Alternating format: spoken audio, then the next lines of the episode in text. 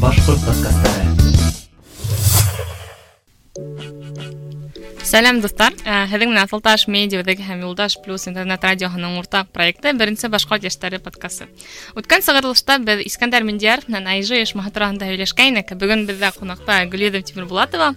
Ул Өфөлә уҡый, әммә сит илдәргә тап АИЖ ойошмаһы менән сәйәхәт итә һәм беҙ бөгөн тап ошо ойошманы тураһында күберәк һөйләшәсәкбеҙ. Был сығырылышта беҙ нисек үҙ ҡалаңда уҡып донъя гиҙергә һәм икенсе йәштәр менән танышырға тигән һорауҙарҙы күтәрәбеҙ. Сәлам Гөлйөҙөм. Сәлам, Элиза. Башлар алдынан ҡыҫҡа ғына күнегеү эшләп үтәйек. Мин һиңә ябай ғына һорауҙар бирәм, ә һин бер һөйләм менән яуап. Әйҙә. А, Был тормошта һин нимә менән ғорурланаһың? А, Был тормошта төрлө хәл ваҡиғаларға яралашыу менән ғорурланамын. Күҙ алдыңа килтер, һинең 100 миллион аҡсаң бар. Һин нимә һатып алаһың? Ә, Диңгеҙ буйындағы өй һатып алыр инем. Ниндәй китапты һин бөтә кешеләргә лә уҡырға тәҡдим итәһең? А, Мастер и Маргарита, а, Михаил Булгаков. Хәҙерге көндә йәһеллек йәшәгән ниндәй кеше менән бер сәғәт буйы һөйләшер инең? Күптән күрмәгән дуҫтарыма һөйләшер инем. Ниндәй йыр һине илһамландыра? А, Wicked Game, Крис Айзек. Шәп. Ҡыҫҡа ғына әйтеп үт, хәҙер ҡайҙа уҡыйһың, кемгә уҡыйһың һәм киләсәктә үҙеңдең профессияң буйынса эшләргә йыйынаһыңмы? Мин Өфө нефть һәм техник университетында белем аламын, технология, технология факультетында. Минең йүнәлешем газохимия һәм а, а, киләсәктә мин үҙемнең йүнәлеш буйынса эшләргә теләйем, әммә төрлө хәл ваҡиғалар килеп сыға, донъя хәлен белеп булмай. Ә, Бәлки а, икенсе яҡтан да эшләп китермен, шуға күрербеҙ. Мин үҙем техник университетта, техник йүнәлештә уҡыйым. Һәм мине ҡыҙҙар ҡыҙыҡһындыра, кемдәр э, техник йүнәлештә уҡыйҙар. А, Ҡыйын түгелме? Әлбиттә, уҡыу еңел түгел инде. Тырышһаң, бөтә нәмә килеп сығасаҡ, тип уйлайым. Һинең социаль селтәҙәреңдә мин йыш ҡарап барам. Әйе. Ә, Мин һиңә яҙылғанмын. Ик- Ике аҙна элек һин Төмән ҡалаһында нефть һәм газ инжиниринги буйынса ҡышҡы мәктәптә булған ине. Мин технияктан форумдарҙа бөтөнләй булғаным юҡ, ә, шуға минең әҙерәк һорауым бар. Беренсенән процентлап әйткәндә күпме ҡыҙҙар һәм егеттәр ҡатнаша ошондай сарала? А, Ысында әйткәндә, унда ҡыҙҙар ҙа күп булды, егеттәр ҙә күп булды, егеттәр ныҡ күп булды тип әйтергә булмай инде. Бер 60% егеттәр булһа, ҡалғандары ҡыҙҙар. Бөтәһе лә ауыҙым ҡатнашты инде. Шәп. Һин университет ашамы йәйһә нисек был мәктәпкә эләгергә мөмкин? А, Был мәктәпкә үҙең бара алаһың инде. Ә, Тимәк, ул мин профессионал тигән олимпиада уны үткәрә. Һин э, ул сайтҡа инеп, төрлө йүнәлеш буйынса мәктәптәрҙе ҡаралаһың. Унда медицина, педагогия, агрономия, нефть һәм газ эше буйынса э, мәктәптәр үткәрәләр. Шул унан һуң һин мотивацион хат яҙаһың инде. Унда төрлө һорауҙар бирәс- э, бирелгән. Э, Мәҫәлән, нимәгә һин был э, мәктәптә ҡатнашҡың килә? Э, Һин ниндәй файда аласаҡһың? Яки э, ниндәй өлгәштәргә, ниндәй уңыштарға өлгәштең тигән һорауҙарға яуап бирәһең инде һәм шул мотивацион хатыңды э, мәктәпкә ебәрәһең. Һине организаторҙар был хатыңды уҡыясаҡтар да һин һәм һине Демәк, Үҙҙәрен алалар. үҙҙәренә алалар. әйе. Һеҙҙең дә ғөмүмән ниндәй темаларҙы күтәрәһегеҙ? Бер ниндәй завод тураһында һөйләшәһегеҙме? Әллә бүгенге көндә популяр булған шәхси бренд, кеше алдында сығыш яһау кеүек темаларҙы күтәрәһегеҙме? Унда төрлө төрлө темалар, темалар булды. Тайм менеджмент, менә үҙ үҙеңде презентациялау, шунан һуң төрлө компанияларғы төрлө компания вәкилдәре менән беҙ осраштык, улар беҙгә лекциялар э, уҡыттылар. Тағы ла бер көнгә беҙҙе Тобольскиға э, алып барҙылар. Унда беҙ Сибур компанияһы менән таныштык, беҙгә экскурсиялар үткәрҙеләр. Әммә ләкин мин унда ҡыҙғанысҡа ҡаршы булманым, шуға ла мин ала бирһә икенсе йыл тағы ла ул мәктәпкә э, юлланырға теләйем әйе. Ҡатын-ҡыҙҙар роль- ролен техник профессияларҙа һин ниндәй итеп күрәһең? Төрлө ролде күрәмен, ул булмаһа завод яки предприятиеның етәксеһе, йә цехтың етәксеһе, оператор, лаборант, э, теләһә хоть нәмәкәй э, нефть магнаты ла булырға мөмкин. Тимәк, ка- ҡатын-ҡыҙҙарҙы йәберһетмәйҙәр. Әйе. Ярай. Һин шулай ҡ- кейстарҙа ҡатнашаһың. Кемдәр белмәй, кейс ул э, ниндәйҙер компанияның проблемаһын хәл итеү, был тап техник һәм экономика өлкәһендә ныҡ таралған. һинең тәжрибәң ниндәй һәм һин ниндәй кейстарда катнаштың һәм ниндәй һөҙөмтәләр тәжрибәм ул тиклем күп түгел инде мин быйыл гына катнаша башланым иң беренсе ул мин деловая игра эшлекле уенда катнаштым беҙҙең университетта кейс клубы бар инде улар үткәрҙеләр шул дүрт сәғәт эсендә беҙ предприятиенең макетін эшләнек уларҙы презентовать иттек мин топ менеджер булдым теге һатып һатып алыу яғы менән булыштым төрлө сотрудниктарға аҡса түләнем инде шул шуныһы ҡыҙыҡ булды унан һуң сибур компанияһы беҙгә шул кейс турнир үткәрҙе шунан яңыраҡ мына университеттың эсендәге кейс турнирҙа ҡатнашып икенсе урын алдыҡ шәп кейс менеджментның ыңғаяҡтары тураһында һөйләп үтһәң аналитик фекерләү ҡеүәһе күтәрелә инде шунан һуң бәләкәй генә ваҡыт эсендә төрлө хәл ваҡиғаларҙы сисеүе тағы ла мына һинең резюмеңдә кейс турнирҙа ҡатнашҡан тигән яҙыуың булһа һин конкурентлы булыуыңды күрһәтә тимәк һин үҙеңдең белемеңде практикала ҡуллана алғаныңды шул күрһәтә инде ғөмүмән әйткәндә гарвардта һәм төрлө сит ил университеттарында кейс методы егерменсе быуаттың уртаһында ҡулланыла башлай уның эффектив булыуы ла раҫланған нисек уйлайһың нимәгә рәсәй университеттарында кейстар һаман да индерелмәгән беҙҙең белеүебеҙсә СССР ваҡытында бер идеология булған инде һәм унда ябыҡ ҡына ну ябыҡ сит илдәрҙән методтары менән ҡулланмағандар ине һәм минең уйлауымса шул йүнәлеш һаман да бара сөнки беҙҙең менә университетта СССР ваҡытындағы эшләгән кешеләр һаман да беҙҙә эшләйҙәр шуға беҙ ҡулланмайҙар дип уйлайм рәсәй мәғариф системаһы һинең өсөн эффектив институтмы был ҡыйын һорау бына әйтеп китәйем менә минең белеүемсә нисек инде әйтергә һынылыш осоронда проблемалар булган хәҙерге ваҡытта күп яңылыҡтар индерергә тырышалар шуға киләсәккә өмөттәрем күп ярай теге корректно корректно һорау да бардың киләсәктә сит илдә мәҫәлән магистратурала уҡығың килмәйме килә әлбиттә белеүебеҙсә күп гранттар стипендиялар программалар бар уларҙы улар менән ҡулланырға була шул ниндәй илде һайлайғың килә испания италия шунан һуң чехия швеция тимәк европа европа әйе америка түгел ярай сит илдәргә йыйылып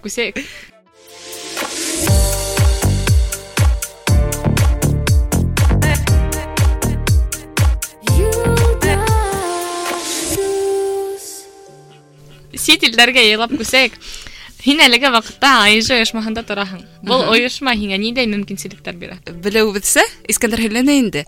АИЖ ул Европа студенттар ойошмаһы. Улар төрлө менә алмашыныуҙар, университеттар, төрлө тренингтар үткәрәләр һәм улар сит ил йәштәре менән танышыуға, тағы ла арзан хаҡҡа сәйәхәт итергә мөмкинселектәр бирә инде. Һин ойошманың ике проектында ҡатнашҡан.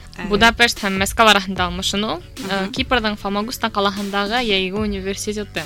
Ғөмүмән нисек АЭЖ ойошмаһына инергә һәм уның проекттарында ҡатнашыр өсөн нимә эшләр кәрәк? Тәүҙә һин АЭЖ антеннаһына теркәлергә тейеш инде.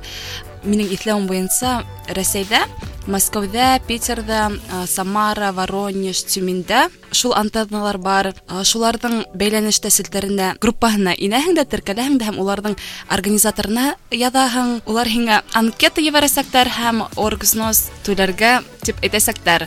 Былтыр оргзнос мең һигеҙ йөҙ утырҙы инде.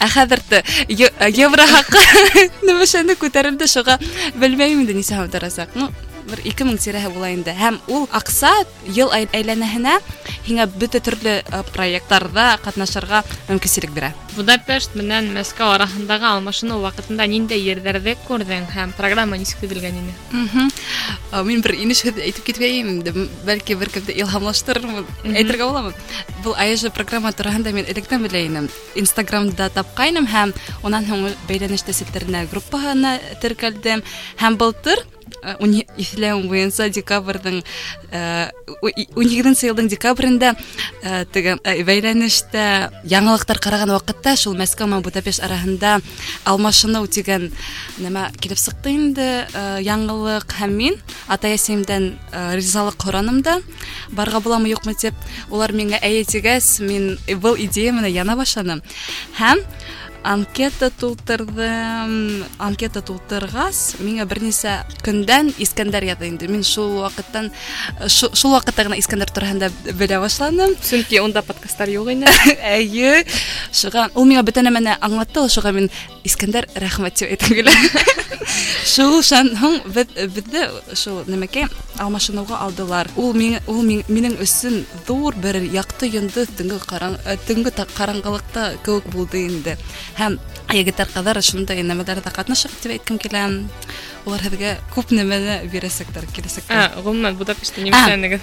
Беҙ унда төрлө иҫтәлекле урындарҙа ҡараныҡ, унда Буда һәм Пешт ҡаласыҡтары бар бит. Шулар буйынса шулар э, буйында э, йәйәү йөрөнөк. Бер көнөнә бер 20 саҡрым үткәнбеҙҙер ул. Арып, арып ҡайта торғайныҡ. Иртәнсәк тораһың, ашайһың, улар һеҙгә э, инглиз телендә бөтә нәмә һөйләйҙәр, шунда э, төрлө иҫтәлекле урындар тураһында төрлө э, ҡыҙыҡ мәғлүмәттәр һөйләйҙәр. Шунан һуң улар беҙгә венгр э, мәҙәниәте, аш-һыуы, э, венгр телен өйрәтә торғайнылар. Кискәһен беҙ э, клубҡа, дискотекаға йөрөй торғайныҡ. Бер 3-4 сәғәт буйы йоҡлағанбыҙҙыр. Һин Ведаға ҡасан барғанһың бер көндә? Ә, Әйе, беҙ һуң э, күндө намекей венаға барырга юландык инде. Дүртүнчү күндө нык э, намекей э, программа нык бай болмагайны биз бир э, санан деген егет менен ойлап каранык енді бәлки братиславага барырга. Онда эки гана сакырым арасында будапешт менен братислава арасында. Ошону гуглга инип шул братислава калаасы туурасында окугайнык онда күні бойы қарарлық немелери көп болманы енді ошого мен неме деп айткайным эйдеги венага барайык деген ул ярый эйдеги барайык дегенде ошону биз экинчи егиттер кыздарга тәҡдим иттек тә һәм беҙ бер алты кеше Венаға юлланырға булдыҡ. Шул кискен э, автобусҡа билеттар алдыҡ та икенсе көнөнә беҙ Венаға юлландыҡ һәм Вена һәм Вена ҡалаһын ҡарап сыҡты инде. Минең белемсә был программалар бушлай түгел. Әһә. Ә, Алмашыныуға һәм йәйге университетка һинең күпме аҡса сарыф иттең Мгм. Так, э, һәм улар ғөмүмән ҡайҙа китте? Аһа, мына Будапешт һәм э, Мәскәү алмашыныу программаһына программаһы 50 евро тул- э, тул- э, торҙо инде. Ул бер 4000 э, беҙҙеңсә була һәм самолет бер 16 мең булһа, виза бер визаға 4 мең аҡса китте инде. Э, Шул Будапешт Вена ҡалаһында бер үҙең менән үҙеңә ашар ашарға йәки сувенирҙарға бер 10 мең киткәндер. Бөтәһе 33 мең булды инде. Һанып сығырға Э, ул менә 50 евро ул йәшәүгә ике тапҡыр ашауға төрлө мәҙәни һәм уҡыу э, нәмәкәгә уҡыуға бүленгән инде. Ә Кипрҙа бөтәһе 160 евро булды инде ул менә йәшәү, э, ике тапҡыр ашау, трансфер менә Кипр буйынса төрлө ҡалаларға э, йөрө, уларҙа төрлө менә иҫтәлекле урындарға алып барыуы, шунан һуң мәҙәни программалар төрлө клубтарға э, нәмәкәй а- аҡса бүленде инде. Ә Кипрҙа мин бер 50 мең э, аҡсаны Тимәк, ныҡ күп түгел. күп түгел ә йәшәр әйткем килә. Һин ни өсөн үҙаллы сәйәхәт итүгә ҡарағанда тап ошо ойошма менән бергә ситилдәрҙә гиҙәһең? Сөнки беренсе тапҡыр ул әҙерәк ҡурҡынысыраҡ бит, шуға мин ошо ойошма аша сәйәхәт итергә булдым. Шул инде тағы ла ул ошо ойошма төрлө илдәге йәштәр менән аралашыуға мөмкинселек бирә инде. Һин улар аша төрлө илдәр тураһында, уларҙың мәҙәниәте, менталитеты тураһында беләһең һәм улар һиңә ҡайҙа барырға, нимә эшләргә тип өйрәтәләр. Тағы ла ул бит уже ә, ә, әҙер программа инде. Ну, у- ҡайҙа барырға, нимә эшләргә тип уйлап ят- ятмайһың. Улар һинең өсөн бөтә нәмә эшләйҙәр инде. Йәйге университеттар нимәгә университет тип атала? Һеҙ унда белем алаһығыҙмы? Әйе, һәр бер университетының бер темаһы бар инде. Ул да булмаһа спорт, сәнәғәт ашау мәҙәниәт шунан һуң үҙ үҙеңде Үҫтереү. үҫтереү әйе темалары күтәрелә беҙ шулар э, буйынса лекциялар лекциялар ал- алдык инде шунан һуң үҙе айыжы тураһында беҙгә лекциялар уҡынылар төрлө хәл ваҡиғаларҙы ысын нәмәкәдә ысын практикала нисек ҡулланырға тигән нәмәкә беҙгә лекциялар уҡынылар Кипрда нимә күрҙең һәм программала нимә ҡаралған ине? мен кипрдык барғы келейін біз онда мен кипрдың түрік жағында болдым енді ол турецкая республика кипр. Шол э, шол э, шол шул жақта біз түрлі қалаларда болдық ол да бұл фомагуста херения шанхун карпас деген полуостровта болдық. Біз онда күберәк ял иттек инде диңгеҙ буйында шуна э, шунан һуң ул программаға менә әйтеп киттем инде ашау йоҡлау беҙ унда общежитиела йәшәнек инде фомагустала шунан һуң беҙ киренияға барғанда беҙ унда өс көн буйы отелдә йәшәнек шунан һуң трансферҙарға о, шул яҡҡа аҡса китте инде Үҙеңә ошо ике саранан дуҫтар таптыңмы? Мәҫәлән, шул ур- урында йәшәгән кешеләрҙән, йә Европанан, һәм улар менән бүгенге көндә нисек аралашаһығыҙ? Әйе, таптым бик күп яҡшы кешеләрҙе осраттым. Улар менән һаман да аралашабыҙ. Сит ил кешеләре менән Instagram, Facebook, WhatsApp аша, ә менә нәмәкә Будапештка барганда беҙендә Россиядан кешеләр булдылар инде. Улар менән, ну, шул бәйләнеш тәсептәрендә. Ғөмүмән, был проекттарҙа инглиз телен белеү кәрәкме? Һинең инглиз теле кимәлең ниндәй һәм уны нисек үҫтерәһең? Ғөмүмән, әйе, белергә кәрәк. Әммә һин менә төп һүҙҙәрҙе белһәң, ул етәсәк дип уйлайым. Сөнки минең уйлауымса, ниндәй кимәлең булһа ла, һин ул менә һөйләшкән ергә эләкһәң, һинең э, баш мейең, нәмәкәй, баш мейеңә ҡыйын була инде. Алдан аңламайһың, шунан шул э, нәмәкәй йүнәлеш буйынса уже йүнәлеш буйынса һин аралаша алаһың инде. Э, Миңә ныҡ ҡыйын булғайны алдан, унан һуң өйрәнеп киттем инде. Алдан э, таныш та- та- танышыр алдынан һәр бер кешегә мин sorry my english is not very well дип әйтәм дә шунан танышам инде Э, сөнки бик ҡыйын булғайны әммә ләкин э, бөтә кешеләр дә уны йә- һәйбәт теге аңлай аңлай аңлайышлы инде һәм һиңә үҙҙәре фекереңде әйт, әйтеп бетергә үҙҙәре ярҙам итәләр шуға минең үҙемдең э, кимәлем уртаса дип уйлайым Duolingo төрлө сериалдарҙы менә инглиз телендә һәм инглиз субтитрҙары ин- инглиз субтитрҙары менән ҡарайым. Үҙең дә Инстаграмында һин Кипрда булганда төрөк телен үҫтерҙем тип яҙғайның. Әйе. Һин инглиз теленән тыш төрөк телен өйрәнәһеңме? Улай улай тип әйтергә булмай инде. Мин төрек сериалдарын ҡарайым һәм төрөксә тыңлайым да һәм ул бит башҡорт теленә әҙерәк оҡшаған. Шуға уны ятлауы күпкә еңелерәк инде инглиз теленә ҡарағанда. Ә хәҙер өйрәнәһеңме тө- төрөк телен? Әйе, ҡарайым бит сериалдар һәм нәмәк мобильный приложениела нәмәкә төрек теле Ду- Duolingo. Дуолинго әйе шуны менән Ду- нәмәкә Duolingo. Лекарство всех проблем. Әйе.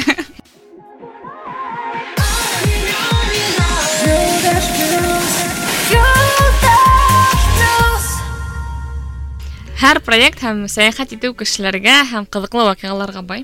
Мгм. Өс иҫеңдә ҡалған ваҡиға тураһында әйтеп үтһәң ине. Әйе, менә ә, мәҫәлән менә ә, виза эшләгәндә минең ә, визам Подмосковьяла бер ике аҙна буйы ятҡан һәм Будапештҡа барған ваҡытында бер аҙна буйы бер аҙна ғына ҡалған ине.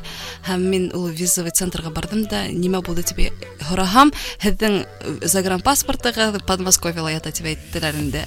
Ә, Ул Казанда булырға тейеш инде. Улар төрлө нәмәкәгә шылтыратып, нәмәкә шул визаны һәм загранпаспортты ә, менә кәрәккән ваҡытҡа алып килделәр инде. Икенсеһе, ә, мына ә, нимә әйтәйем дигәндә, мин Кипрдан килгәндә, мин Внуковага төшөргә, Внуковага төшөргә теләге т- булырга тейеш инем. Ләкин беҙҙе Шереметьевага төшөрҙөләр, сөнки Внукованан Путин осорға тейеш ине һәм бөтә аэропортты яптылар инде.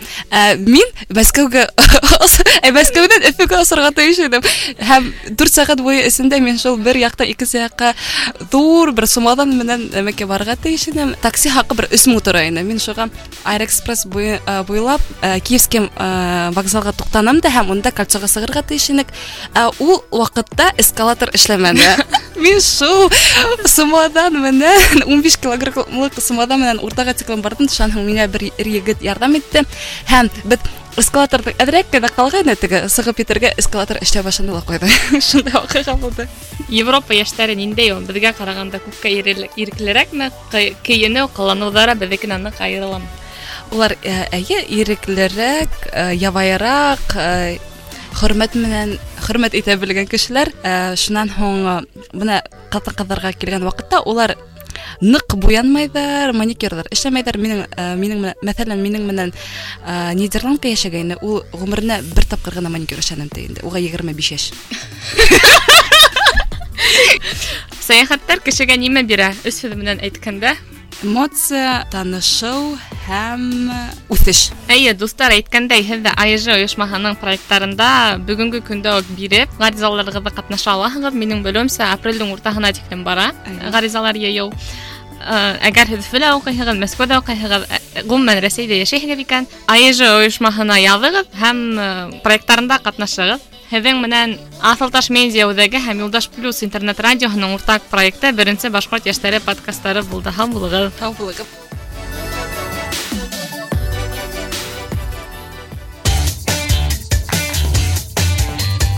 Юлдаш Плюс